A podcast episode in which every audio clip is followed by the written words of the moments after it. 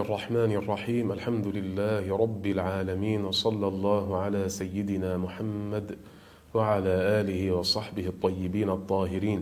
سنكمل إن شاء الله تعالى في تفسير سورة المجادلة. لما نهى الله تعالى المؤمنين عما هو سبب للتباغض والتنافر أمرهم بما هو سبب للتواد والتقارب. فقال الله عز وجل يا أيها الذين آمنوا إذا قيل لكم تفسحوا في المجالس فافسحوا يفسح الله لكم.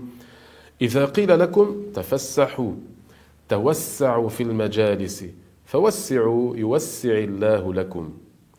يوسع الله لكم في كل ما يبتغي الناس الفسحة فيه من المكان والرزق والصدر والقبر وغير ذلك.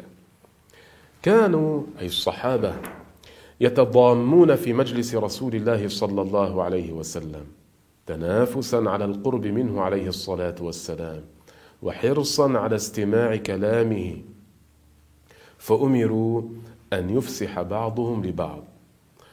والظاهر أن الحكم مضطرد في المجالس التي للطاعات وإن كان السبب مجلس الرسول عليه الصلاة والسلام. وإذا قيل انشزوا فانشزوا. أي إذا قيل ارتفعوا عن مواضعكم عن مواضعكم حتى توسعوا لإخوانكم فارتفعوا. إذا قيل لكم انهضوا للتوسعة على المقبلين فانهضوا. إذا قيل لكم انهضوا إلى الصلاة وأعمال الخير فانهضوا. يرفع الله الذين آمنوا منكم والذين أوتوا العلم درجات. يرفع الله الذين آمنوا منكم أي مع إيمانهم عملوا بطاعة الله ورسوله وامتثلوا أوامره. ويرفع المؤمنين الذين أوتوا العلم أي علم أهل الحق مع العمل به. يرفعهم درجات في الثواب والمنزلة في الجنة. والله بما تعملون خبير. أي لا يخفى عليه شيء سبحانه وتعالى.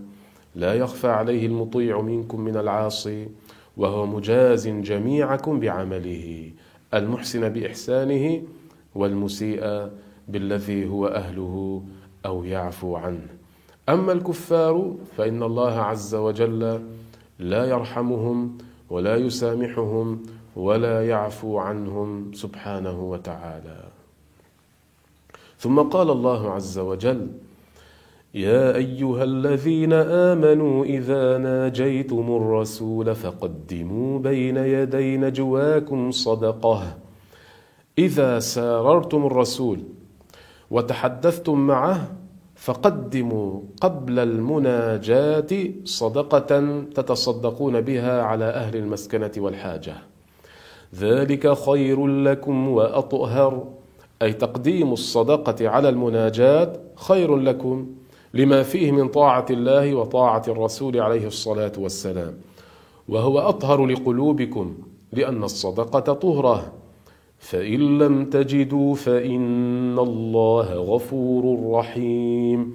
أي فإن لم تجدوا ما تتصدقون به قبل مناجاتكم رسول الله صلى الله عليه وسلم فإن الله غفور رحيم. أي في ترخيص المناجاة من غير صدقة إذ عفى الله عمن لم يجد.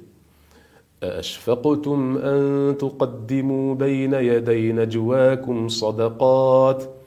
أي أخفتم وخشيتم الفاقة والفقر بتقديم الصدقة. إذا أردتم مناجاة الرسول صلى الله عليه وسلم فإذ لم تفعلوا وتاب الله عليكم. أي فإذ لم تفعلوا ما أمرتم به من تقديم الصدقة. قبل مناجاة النبي صلى الله عليه وسلم وتاب الله عليكم أي خفف عنكم وأزال عنكم المؤاخذة بترك تقديم الصدقة على المناجاة. هذه الآية هي التي نسخت الحكم السابق. فإذا نزلت آية فيها الأمر بأن من أراد أن يناجي النبي صلى الله عليه وسلم أن يكلمه في السر أن يسر إليه قولا أن يجلس مع النبي عليه الصلاة والسلام ويسر إليه قولا أن يتصدق على المساكين قبل ذلك. ثم أنزل الله عز وجل آية فيها رفع هذا الحكم فنسخ كما قال الله عز وجل فإذ لم تفعلوا وتاب الله عليكم فكان ذلك تخفيفا من الله عز وجل ونسخا لهذا الحكم. ثم قال الله عز وجل فأقيموا الصلاة وآتوا الزكاة. أدوا فرائض الله التي أوجبها عليكم. ولم يضعها عنكم ما نسخها الصلاة الزكاة وغير ذلك من الواجبات. وأطيعوا الله ورسوله أي فيما أمرنا به ونهينا عنه. والله خبير بما تعملون. معناه الله عز وجل عالم بكم محيط بأعمالكم ونياتكم وهو محصيها عليكم ليجازيكم بها سبحانه وتعالى.